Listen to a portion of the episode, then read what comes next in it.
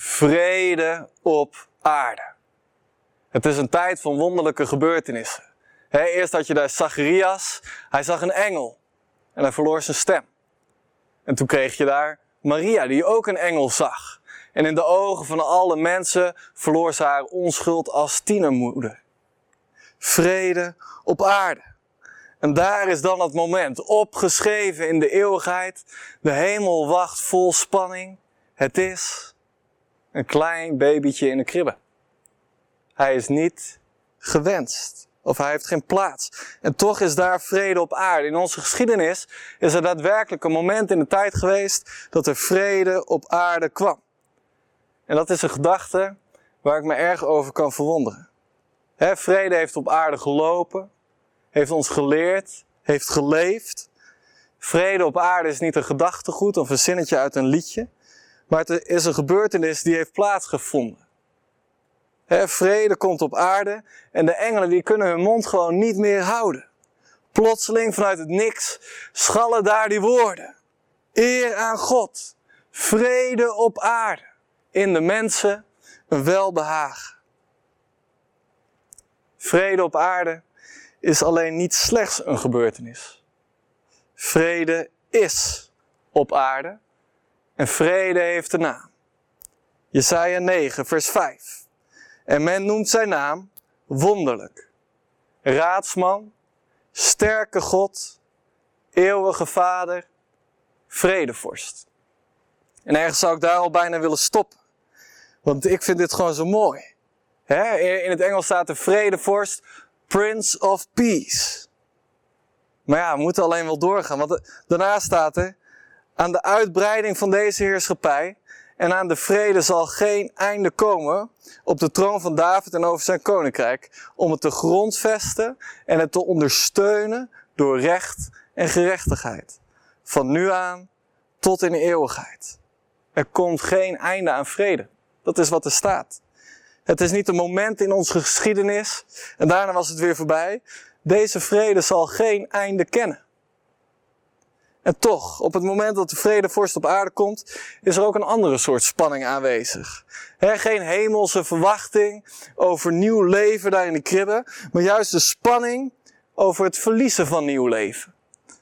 Koning Herodes voelt zich bedreigd door deze vredevorst en geeft opdracht om alle jongetjes van twee jaar oud en eronder te vermoorden.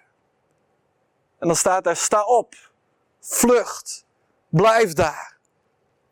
Jozef en Maria met het kleine prinsje van de vrede op de vlucht.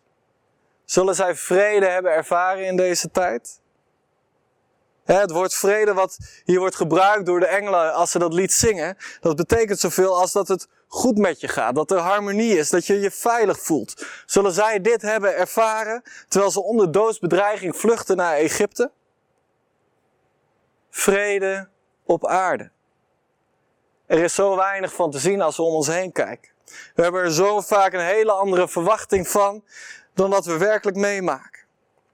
En zelf heb ik ook vrede meegemaakt op een moment die niet in het teken stond van vrede. Het was toen mijn vader overleed. Het was een tijd van pijn, van verdriet, van rouw. Ik had het er echt moeilijk mee. Het ging eigenlijk veel slechter met mij dan ik zelf toe wilde geven. Ik bleef de hele tijd maar kwakkelen met mijn gezondheid. uiteindelijk moest ik echt even stoppen met alles wat ik deed en dat vond ik heel moeilijk. Om daadwerkelijk te zeggen, hey, ik kan het niet meer aan.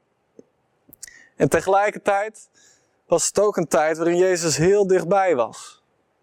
De week na het overlijden van mijn vader naar de begrafenis toe, reken ik als een van de waardevolste weken uit mijn leven.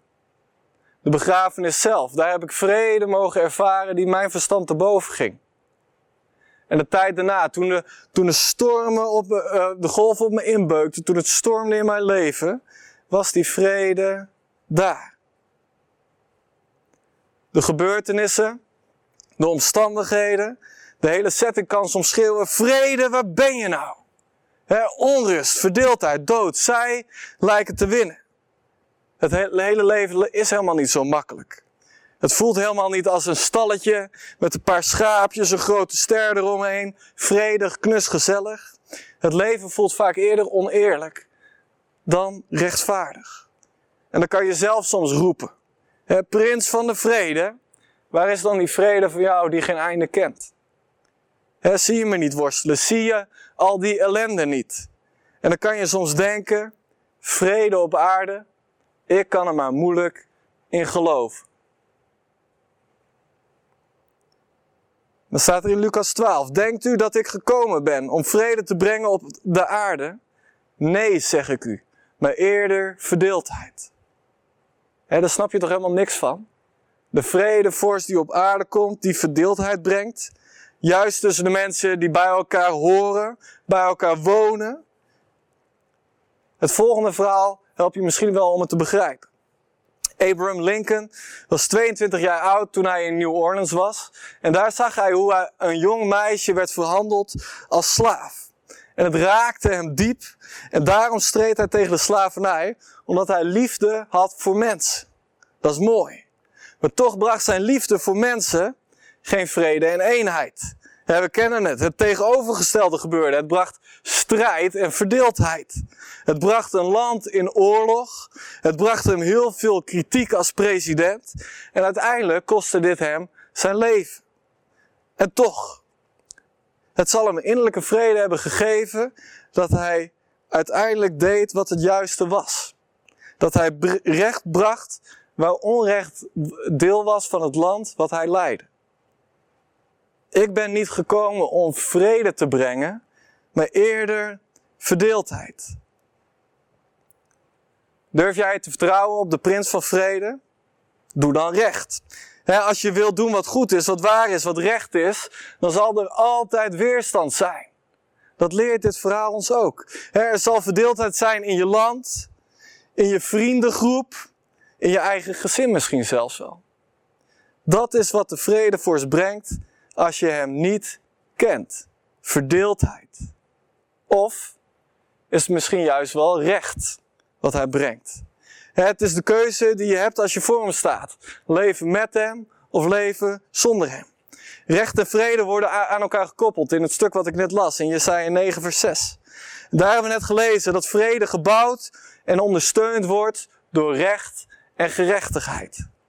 Maar op meer plekken in de Bijbel zien we dit terugkomen. Psalm 72, vers 7. Als de rechtvaardige tot bloei komt, hè, als recht de ruimte krijgt om zichtbaar te worden, om te bloeien, dan zal er grote vrede zijn, staat.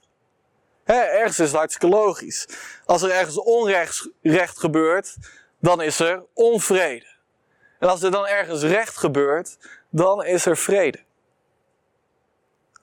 Zoals een voor mij bijzonder lied ook zegt, een oud lied is dat er staat, dikwijls derven wij veel vrede.